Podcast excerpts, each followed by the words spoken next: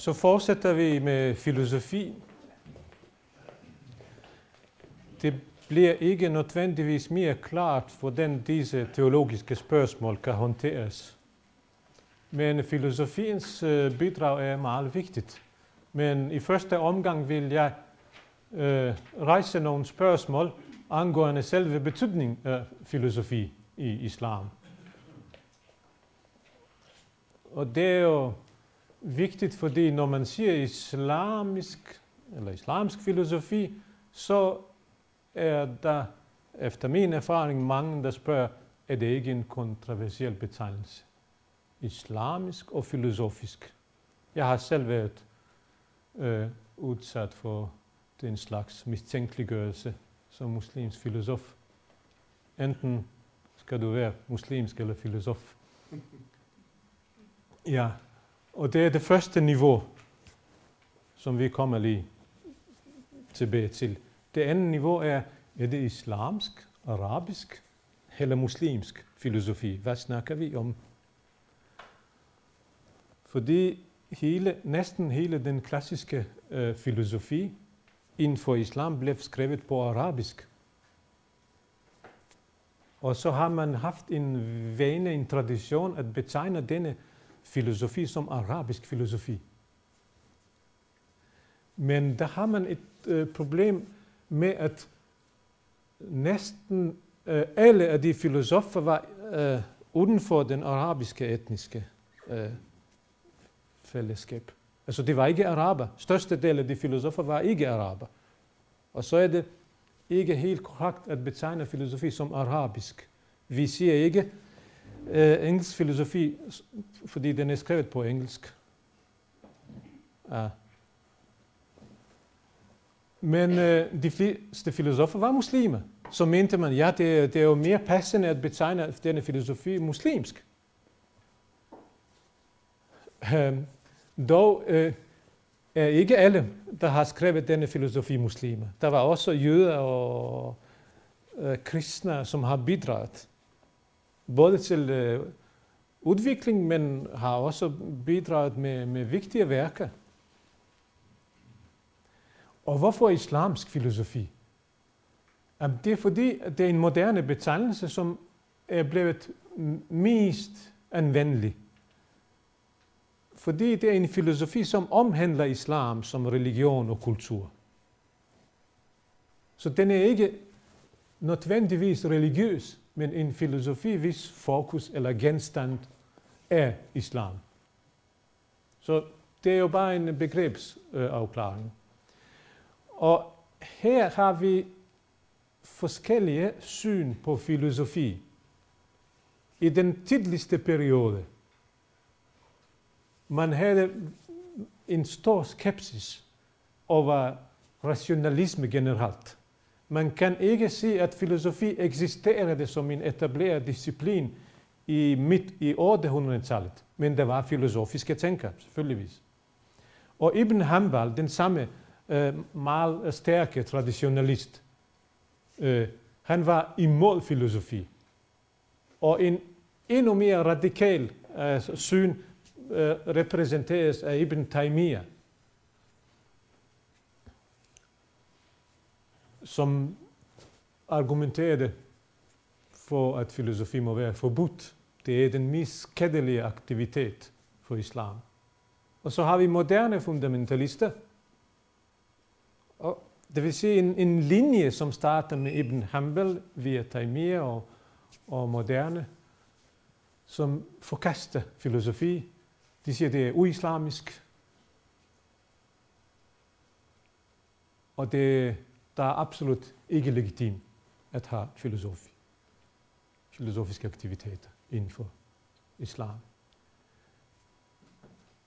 Og så spørger man, ja, det er jo det er derfor, at vi ikke har så meget uh, muslimske filosofer i moderne tid. Som om, at der ikke har eksisteret en anden tradition. Og her har vi eksempel på den andre tradition. Ibn Rushd, kendt i Vesten som Averroes, som jeg nævnte sidste gang. Han var øh, Cordobas øverste sharia-dommer. Det vil sige en, som, i for, som, som havde en, en højeste øh, dommerposition i, i Andalusien, i hovedstedet. Og han havde en direkte mod, øh, modstridende synspunkt i forhold til, til øh, det antifilosofiske. Og det er en citat. Hvis en religiøs undersøgelse af verden indebærer filosofi, og hvis den hellige lov, sharia, forlanger sådan en undersøgelse, så forlanger den også filosofi. Hans hovedargument var, at filosofi er for langt, det vil sige påbudt. Han brugte begrebet wajib. Wajib betyder pligt. Og han siger, at filosofi er ikke bare tilladt, den er direkte forpligtet af Koranen. Og der henviser han til forskellige verser i Koranen, som kan tolkes som opfordring til filosofisk refleksion. Uh, han er især interessant, fordi han var den tænker, som for det første markerer kulmination af den klassiske rationalistiske filosofi, men samtidig formulerer en meget vigtigt øh, lære om to veje til sandheden og lykken. Fordi han mente, to vigtigste øh, spørgsmål for mennesket er at opnå sandhed og at opnå lykken i denne og i den kommende verden. Og der mente han, at fornuft og åbenbaring, det er, det er to forskellige veje til sandheden og lykke. Den første vej er forbehold eliten, filosoferne. Og den sidste åbenbaring er for masserne. Og det var åbning for sekularisme. I det øjeblik, når man påstår, at du alene af fornuften kan nå til sandheden og lykken, så betyder det, at du ikke nødvendigvis har øh, brug for åbenbaring. Og det er derfor, han var forkastet. Både muslimer og øh, europæer. Han var som sagt øh, afvist fra universiteter, de første universiteter i Frankrig og Italien, som en ateist. Fordi han sidestillede fornuft og åbenbaring. Øh, I forbindelse med den filosofiske tradition, så er det værd at nævne en meget tidlig øh, tænkning, som er en form for islamsk humanisme, som bygger på en filosofisk refleksion, og som går helt tilbage til øh, Mishkawai.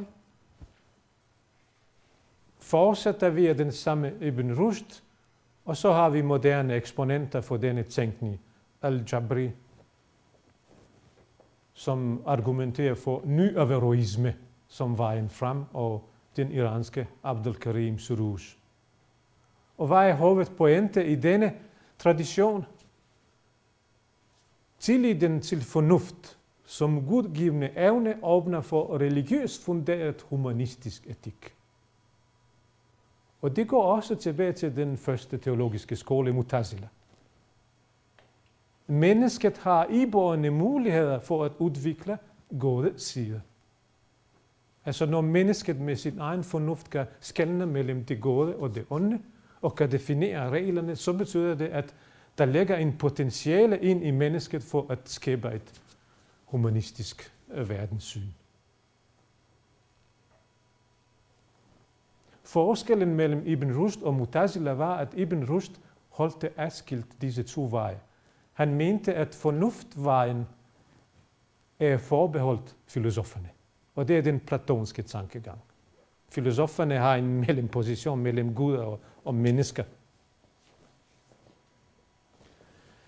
Øh, I den forbindelse, og også i forbindelse med en lille øh, øh, snak i pause om øh, fornuftens betydning i den islamiske filosofiske tradition, der vil jeg nævne en bog, øh, øh, skrevet af Ibn Tufail. Ibn Tufail er lærer af Ibn Rushd. Han er en af de vigtigste personligheder i muslimsk Spanien.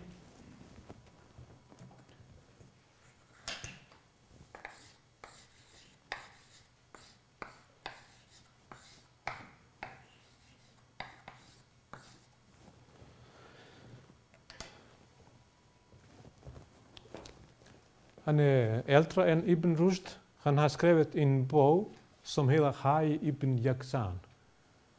Uh, det er oversættelse til dansk. Jeg ved ikke, om den er oversat til norsk. Det er den første filosofiske roman, eh, uh, skrevet i den del af verden, som vi kender, som inkluderer både den muslimske og den vestlige verden. Den er skrevet som cirka midt i, i 1100-tallet eller lidt senere. Og det er vanskeligt at oversætte. Hvis man oversætter det bogstaveligt, så betyder den levende søn af den vågne. Giver det mening, den levende søn af den vågne. Khai ibn Yaksan om den tidlige visdoms hemmeligheder. Hvis man skal præsentere hele tankesæt omkring uh, islamisk, øh, humanistisk, øh, nu man sige, sekularistisk, hvis man vil det, øh, udvikling, så er det denne bog, der er mest relevant. Og den er blevet oversat allerede i 1600-tallet til engelsk. Og senere har, øh, har der været flere, blandt andet Daniel Defoe, der har skrevet Robinson Crusoe.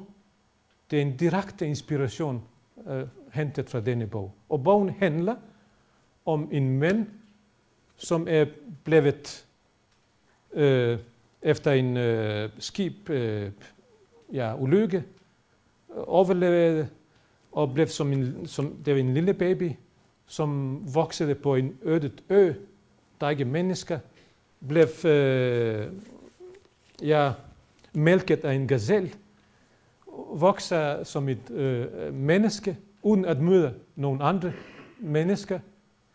Og så i en voksen alder, så kommer der en anden person, en muslim, til, til, til Hai på denne ø, og lærer Hai sproget, og så begynder de at kommunicere, og så mennesket fortæller ham, at han, han er religiøs, han tror på Gud, og der er en åbenbaring, det er Koranen, og så var der en profet.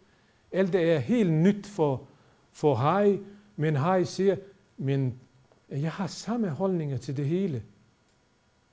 Jeg er fuldstændig enig med dig, men jeg kender intet til hverken Koranen eller, eller, eller Mohammed eller noget. Vil du godt føre mig til, til din by, så ser jeg, hvordan folket øh, fungerer. Og så går de tilbage til, til, til, til ham, personen, som, som har besøgt Hai. Og så bliver Hai overrasket. Han siger, jeg kan ikke forstå, at folk har behov for, for disse regler for at holde sig fast på det, som jeg har, som, som jeg har fundet frem ud fra mine indre. Og så fortæller, øh, så, så er det en interessant samtale. Og denne samtale, den refereres til den bog. Altså, jeg håber, I har set den.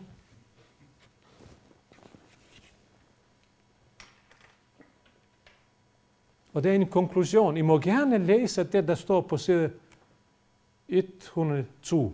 Jeg skal ikke bruge tid på det. Men konklusionen er, at normale, normale mennesker er korrupte. Og de kan aldrig gå den vej, fornuftens vej. De har netop behov for, for et andet sprog, og det er det koraniske sprog. Og til sidst går Hai tilbage og siger, jeg kan, jeg kan ikke fungere som en del af det fællesskab. Jeg er enig, men det, det er andre regler, der, der gør sig gældende. Uh, hovedpoint er, at, at uh, uh, Ibn Tufail bekræfter, at der er to veje. To veje. Men det er vigtigt, at man holder dem adskilt. Så det er den religiøse og den filosofiske. Og derfor kan man godt forstå, at filosofi kan være en konkurrerende vej til teologerne. Ja, et... Ja, selvfølgelig. På, øh, på pensum så har vi en artikel om naturret, også inden for islams tenkning. Ja. Og så vil se noen forbindelse til den samme type tenkning innenfor kristendom. Mm. Hvordan, hvordan passer du det inn i den betydningen som filosofien ha- har her? Det atskilte veier, eller det veier som også kan ses både som fornuft og åpenbaring sammen? I, ja, ja, ja, ja, det er meget relevant. Øh, det, kan, det kan betragtes på to planer. Den første er, at hele kosmos er åbenbaring. Altså man siger, at Koran er samling af ayat. Ayat betyder tegn eller mirakel. Hele kosmos er ikke en, en tegn, og det gælder om at fortolke tegn. Så det er det første plan. Som det er natur, der er mange muslimske teologer, der siger, at det er jo, det er jo samme princip. Det er åbenbaring. Du skal, du skal prøve at fortolke Guds tegn. Men når man kommer til metodologi, der er Ibn Rushd mere konsekvent i at holde adskilt. For det første siger han, det er ikke alle, der kan fortolke. Og for det andet så siger der er visse øh, øh, aspekter i den proces, hvor man ikke kan, og hvor man ikke behøver at være enig. En af de spørgsmål er, om, om genopstandelse for eksempel er fysisk eller spirituel. Man kan argumentere for begge dele. Ibn Rushd siger, vi behøver slet ikke være enige. Øh, det vil sige forskellige niveauer i fortolkning. Han, vil, han, han levede i en, en anden tid. Altså vi havde ikke en øh, udviklet øh, øh, naturvidenskab, som vi har i dag. Han vil nok øh, holde sig til eksperter i naturvidenskab. Fordi han var meget optaget af metoderne. Og det er jo det er noget, som vi gør i dag. Altså hvis du har en rigtig metode, så har du mere chance til at nå frem til et øh, godt resultat. Og øh, sammenblanding er en, en, en, en høj øh, videnskabelig refleksion og en populær moralsk funderet vejledning er ifølge ham er problematisk. Og det, og det gør han uh, som en person, som arbejdede i, i, sit, uh, i sit virkelige liv på begge. Han var sharia-dommer, han, uh, han omgås med almindelige mennesker, og han var samtidig uh, Aristoteles fortolker, og mente, at den filosofi vedrører ikke masserne. Han skrev faktisk tre kommentarer Aristoteles. Den, som er forbeholdt elite, den, som kan bruges af muslimske lærde, og den tredje, hvis almindelige muslimer er interesseret i Aristoteles. Så det er igen efter aristoteliansk øh, tankesæt om sandhed.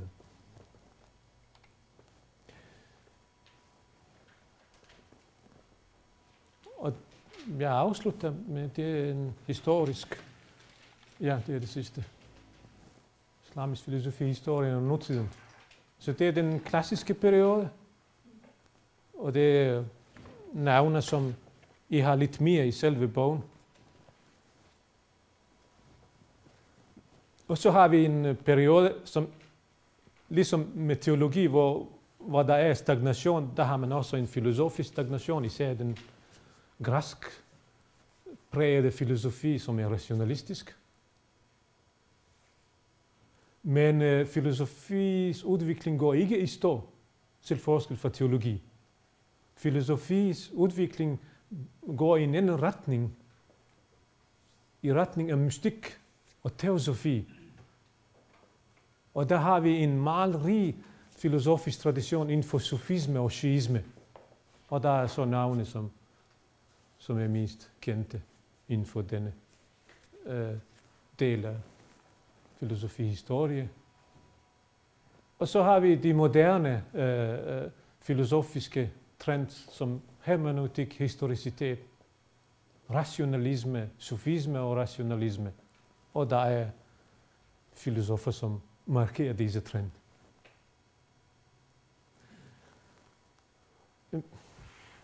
Og afslutningsvis, der kan vi bare nævne nogle af de udfordringer, som står både for den filosofiske og teologiske tænkning. Det vil sige kontekstuel tolkning af islamisk tradition og ortodoksi.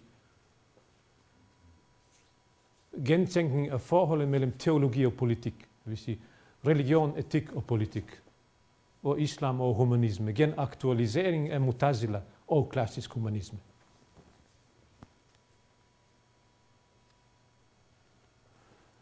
I den forstand er det meget vigtigt, at man går tilbage til de første diskussioner. Hvordan kan det være, at en officiel skole blev ikke anerkendt af majoriteten? Var det politiske, ideologiske og andre årsager, eller, eller hvad? Ja. Øh,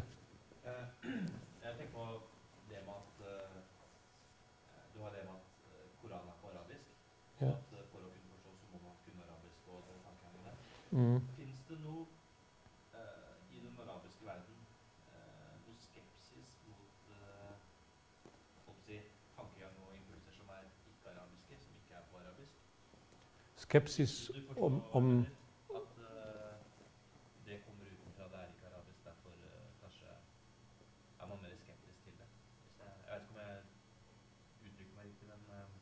prøv, prøv. prøv det. eh, For du nevnte tre filosofer som Mm. alle var ikke-arabiske. De fleste var ikke araber. Så da lurer jeg på om det fantes en sånn kanskje litt sjåvinisme da, i Arabia? Ja, ja, ja. Mener du, at, at det var en af årsager, at man var skeptisk over filosofi? For eksempel Ja.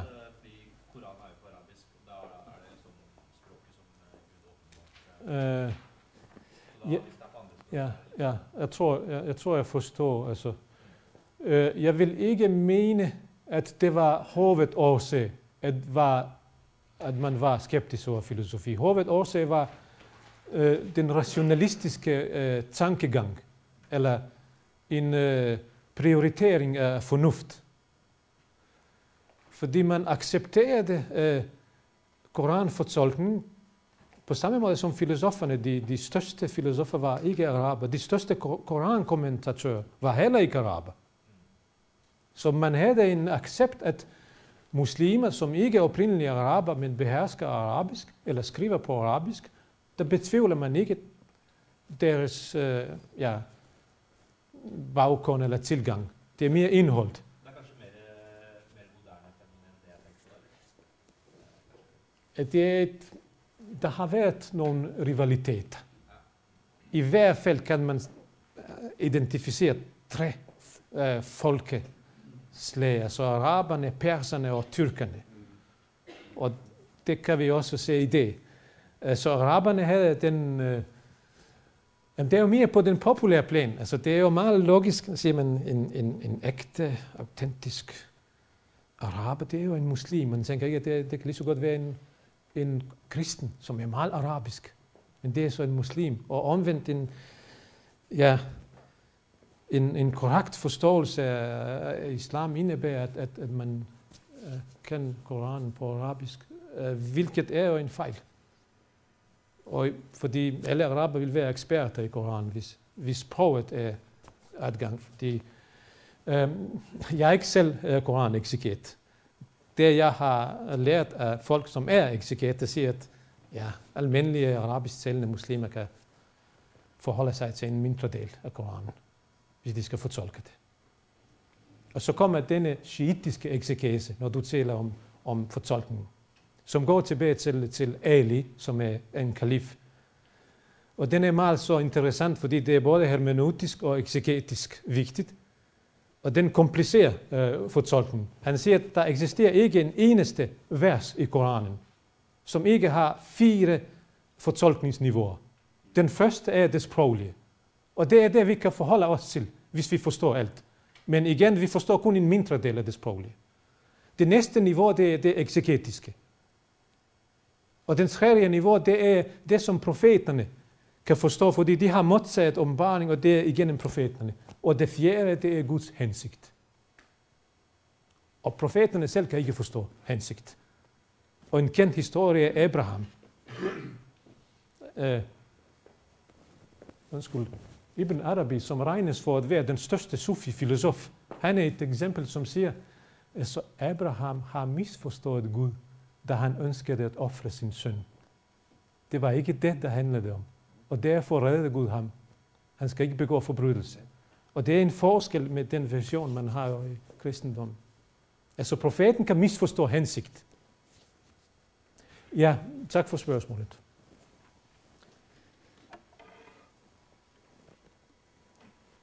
Er vi færdige? Det er?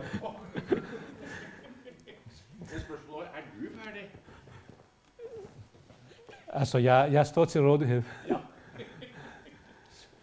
Jo, det behøver ikke være spørgsmål, undskyld. Altså, kommentarer. Men dere har muligheten både til kommentarer, Ja, så kommer kommentarer. Ikke? utdypninger. Vær så god. Ikke noe utdypning. Ja, ikke noe utdypning. Jeg tror ikke du har snakket noe særlig om den eh, ekstremismen i dag. Mhm. Bare lurer på, Hva tror du om hvordan liksom, de kan tolke eh, islam så forskjellig fra mainstream? Ja, men godt spørgsmål. De tolker ikke islam. Det er ikke noget tænkning. Islamic thought. Der er ikke nogen thought. Men, men hva er det som er Det er ikke nogen, det er ikke nogen thought. De, de samler citater fra Ibn Taymiyyah. For eksempel. Ham som var anti-sufi, anti-teologisk, anti-filosofisk. De læser jo ikke Koranen, de fortolker den ikke.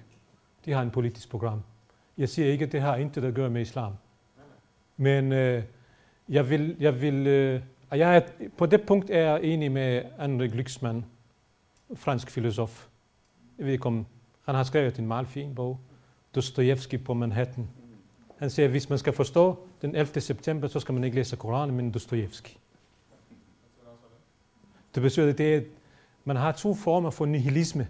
Den passive og den aktive. Og det, der repræsenterer ISIS og, og, og de selvmords øh, øh, terrorister, det er den aktive, destruktive nihilisme, som han beskriver med en sætning, alt er tilladt i Guds navn. Dostojevski siger, alt er tilladt, hvis der ikke er Gud. Så det, er der er ikke forskel mellem det, gode, det øh, gode og det onde. Ja, nihilistisk. Men det, de siger, det er jo igen en ren nihilisme. Alt, livet og døden, det har ingen værdi. Alt kan begås i Guds navn, og det er ikke bare Guds navn, men de indtager selv øh, Guds plads, og derfor betegner det jeg som politisme.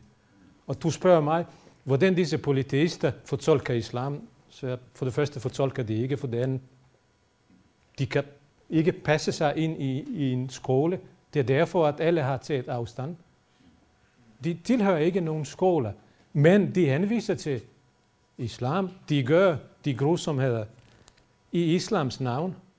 Og jeg har allerede i min første forelæsning skrevet øh, navnet på øh, ham, den fransk-marokkanske filosof Bidar, som har skrevet et åbent brev til den muslimske verden, hvor han selvkritisk eller kritisk siger, at alligevel er denne mønstre af islamisk stat blevet skabt ind i den muslimske verden, fordi man har ikke reageret imod en udbredelse af politisme.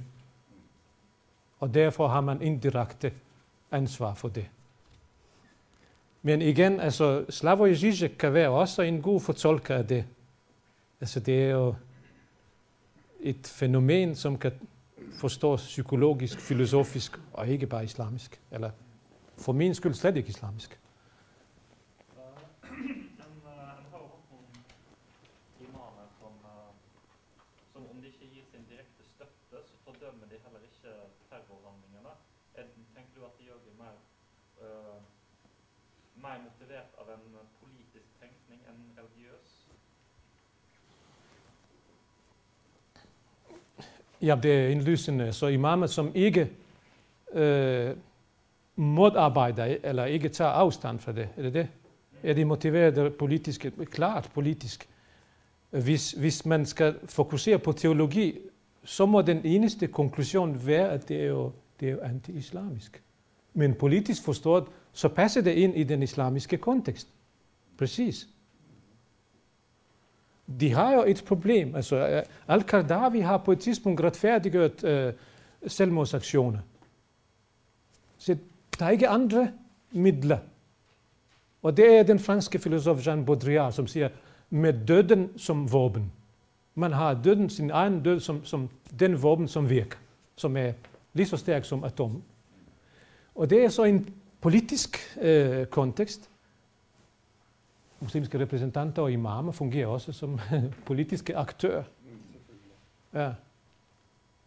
Det, det, er jo, det er jo rigtigt. Det, det budskapet som du på mange måter får fram i det du har snakket om i dag, det er jo usædvanlig vigtigt, Fordi at det er jo der vi på mange måter i dag misbruger eh, terminologiene. Vi havde den debatten som gik på TV i går, hvor man altså brugte tid på at sige, om man slås på terror, eller om å slåss mot, om ter mot terroristene. For det definitivt så terrorbegrepet som sådan, det vil alltid eksistere i en eller annen form. Men de som utøver terror, kan man gjøre noe med. Og den der diskusjonen der, og det, den diskusjonen som du refererte til uh, der, fin- mener jeg du finner en veldig tydelig sammenheng mellom det som både Hanna Arendt og, og han um, Sigmund Bau, Baumann sier i forhold til det oppgjøret som Vesten delvis har gjort, eller Europa har delvis har gjort i, mot nazismen, men på ingen måte fullstendig over hele Europa.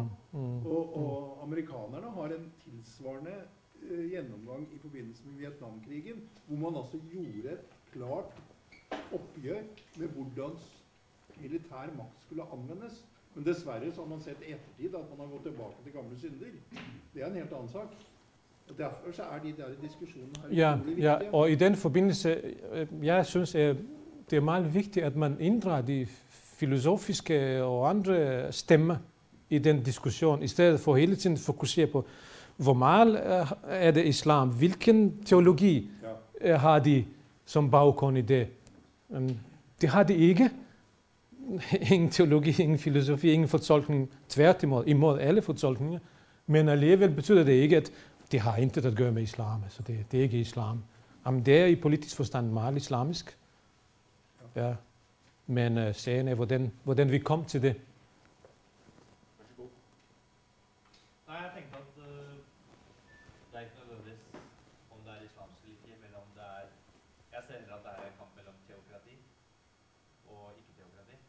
Altså det er jo teokratiske teokrater som gnisser mot øh, demokratiet, den konflikten vi har egentlig. Skal man følge og bøye seg etter religiøse lover, eller skal man ikke? Og så er det noen som sier at det skal du, eller så må du bøte med livet. Så har du det Uh, jamen, det er jo det er jo meget mere problematisk. Er Der er en diskussion om teokrati har eksisteret i islam. Helt fra starten, det var et kalifat, hvor kalifen har en værslig funktion, og så har de lært det. Og de første skoler opstår netop som en reaktion imod den værsliggørelse af islam i form af Damaskus kalifat. Og det er jo det, der kommer tæt på teokrati, det er jo Iran. Ja, men når vi nu ser ISIS og det, så det var i går en forelæsning af den franske islamekspert Oliver Roy. Er der nogen, der har overvejet det? Han, øh, han, han er kendt, han beskæftiger sig med, med de aktuelle øh, problemer, radikalisering. Og han, han siger, øh, det øh, område, som kontrolleres af ISIS i det den kan betegnes som, som et system, hvor man har to ting. Las Vegas plus Sharia. Er det så teokrati, eller hvad er det? Og det er virkelig det. Så det er jo hverken teokrati eller demokrati. Jeg, bare, jeg tror også at det spørsmålet gjør at eh, det blir litt for enkelt om det er teokrati eller demokrati. Eh, jeg tror nesten aldri demokrati, men eh, altså Hvis du ta- nevnte Iran, da. eh, det med at de hadde en uh, fatwa i 1980 Det var jo som essensen av teokrati, at eh, det du gjorde er forbudt. Ja. Og uansett hvor i verden du befinner deg, så skal du bøte med livet. Det er jo egentlig Det er jo teokrati. Jamen, der er Iran og Saudi-Arabien, der kan, der kan betragtes som, som lande og samfund, som er styret af, af sharia. Og det er faktisk to eneste lande, som, eller Saudi-Arabien er den eneste land, som i kontinuiteten har haft sharia-lovgivning. Det er ikke Iran. Det er Khomeini- Khomeini-revolution i... Øh. derfor jeg tenker at det er mer om teokrati, ikke nødvendigvis islam. For i Tyrkia så er det jo det er jo et islamsk land, men det er noe helt annet.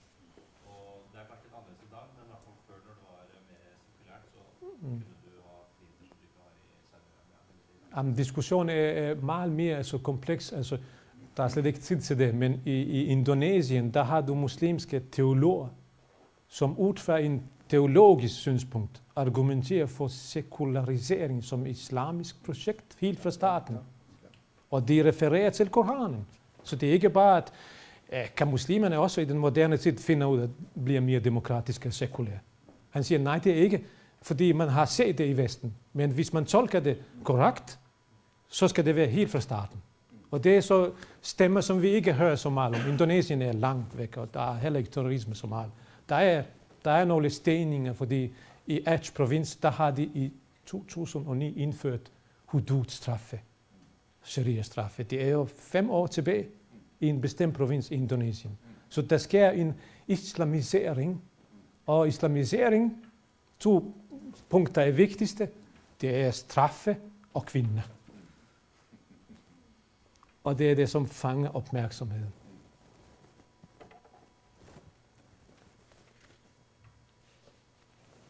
Der er plads til Ja, et spørgsmål eller kommentar. Ja. Jeg er litt- ja,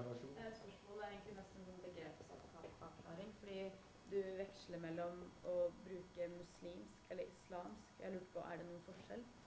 Eller er det, bruker man det bare om hverandre? Øh, der, der er nogle, der holder det adskilt. Jeg gør det ikke. Ja, og jeg kan godt forstå, at pædagogisk vil det være fint, at, at, at man skældner mellem muslimsk, så kan det omfatte muslimer, alle dem, der, der forstår sig selv som muslimer, og så handler de, og så det er muslimsk. Men islamsk, så er det sådan mere ortodox eller, eller, eller religiøst funderet. Men jeg er ikke helt enig med denne opdeling, og derfor går jeg til det, der er mere problematisk at veksle mellem det. Fordi for mig, hvis du spørger mig personligt, så kan islamisk være noget, der kommer fra ikke-muslim. Så kan ikke-muslimer øh, udføre gerninger, som er helt islamiske. Og derfor giver det ikke mening, når man siger islamisk, så betyder det, at det er en ortodox islamisk. Det behøver ikke være ortodox. Vi snakker, det kan komme fra en ateist. Øh, der er en, undskyld, jeg afslutter. Jeg må tilbage til Mishk Hawaii. Mishk Hawaii, hvor er Mishk Hawaii? Ja. Han siger, at den ideelle sharia-praksis vil være, at muslimer praktiserer det uden at tænke på Gud.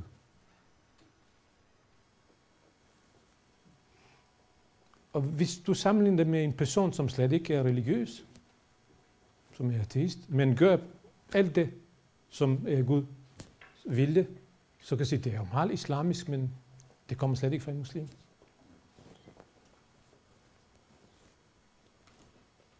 Ja. Ja, eh, en- Det er kanskje ikke så mye om islam direkte, men bare kommentar til forrige kommentar på første rekke.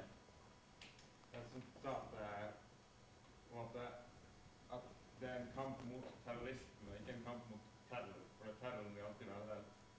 Eh, så bare, jeg fikk, det var en gang en, en venn av meg som sa at han hatet en annen person. Vi kom ikke så godt overens. Eh, og så, spurt, og så fortalte han om hvorfor han hatet denne personen, og liksom har meg også til å hate han her. Og, så- og så sa jeg det at nei, jeg, jeg hater ingen. Og, og så spurte han meg da, ja, men hater du terror?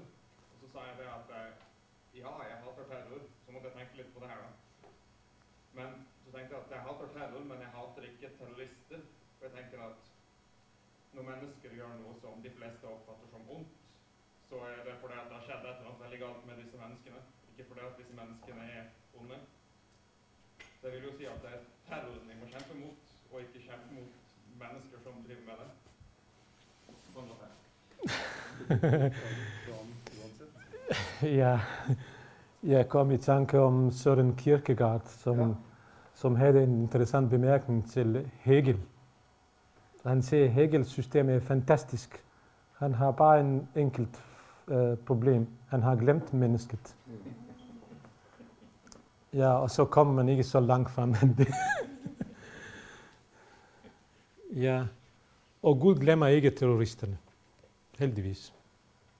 Han vil ikke beskæftige sig så meget med fænomenet, men med, med deres ansvar.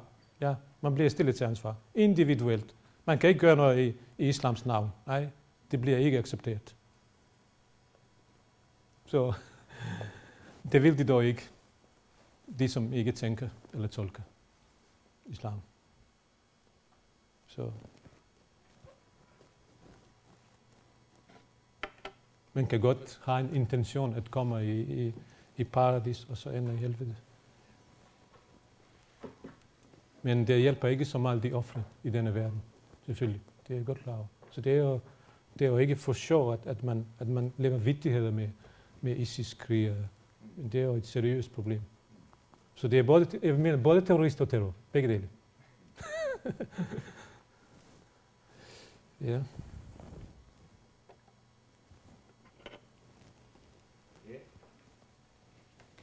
Ah, det må være legitimt, at vi kan slutte. Ja, ja.